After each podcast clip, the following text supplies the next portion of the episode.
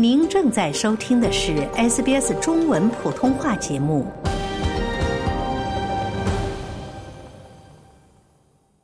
农历新年是东亚文化中最为重要的节日之一，也是家人和朋友共同欢庆团聚的重要时刻。今年悉尼帕尔马塔市于二月十日大年初一，在帕尔马塔广场举办了一场盛大的农历新年庆祝活动，从下午四点一直持续到夜晚十点。活动现场长达二十米的互动巨龙引人注目，传统的点睛仪式和舞龙舞狮表演与鞭炮声交相辉映，为节日增添了喜庆氛围。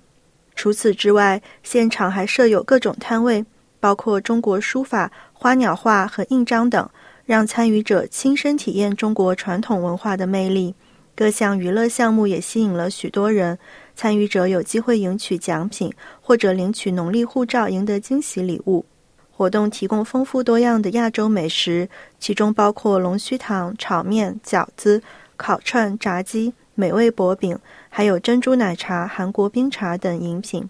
文化表演也是活动的一大亮点，包括华服时装秀、舞蹈表演、音乐演奏和 DJ 现场。活动现场聚集了来自五湖四海的华人。他们与本台记者分享了自己在此地过年的感受。周 A 是来自福州的华人，他与家人一起参与了这次活动，感受到了过年的气氛和文化的传承，为他的女儿带来了一次难忘的体验。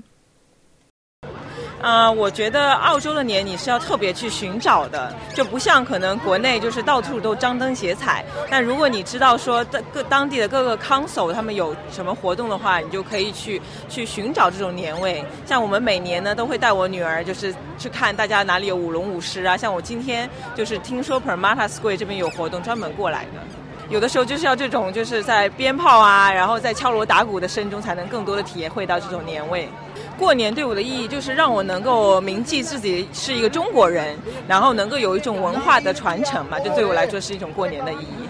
呃，我们其实每年都会请他帮忙一起制作红包，然后在红包里头可能会放一些糖果，放一些小的硬币啊、金币，然后发给他的朋友啊，然后发给他喜欢的老师，就希望他能够记住过年是要与大家一起去分享爱，还有一个幸运吧。然后我也很希望他就是能够记住过年是一家人团聚在一起的感觉，所以年夜饭对我们来说也很重要。然后还有就是基本上第二天我们都会带他，如果有活动的话，会带他去看看舞龙舞狮，就让他记住这种感觉。我觉得我也。希望告诉他，就是我们是中国人，然后啊，骨子里也流着这个传统的这个血液吧。就希望告诉他，为什么我们过年要穿红，过年你会收到红包，还是跟呃圣诞节是不太一样的。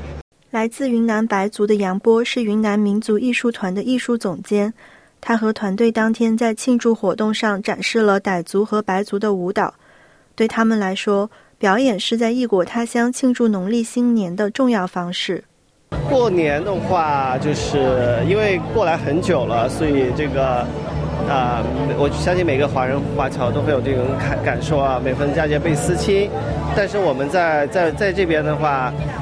就是怎么说呢，也团聚不了和家人，那只能用啊抱团取暖的方式和和自己的艺术团的伙伴呀一起演出呀，一起吃饭，热热闹闹的这样过，呃，就稍微会。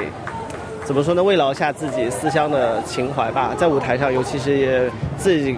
民族的音乐一响起的时候呢，啊，就觉得特别的抚慰自己的内心。对，所以啊，舞台对我们来说是非常重要的。对于过节来说，今天我们演了两两场了，就是在 City 演演了一场，然后又赶过来这边演。我们啊。二月份的周末都是呃演出，都是都是用这种方式来庆祝春节。此外，现场还有年轻人 Frank 和他的朋友们摆了一个书法摊，用毛笔字写中国的福字。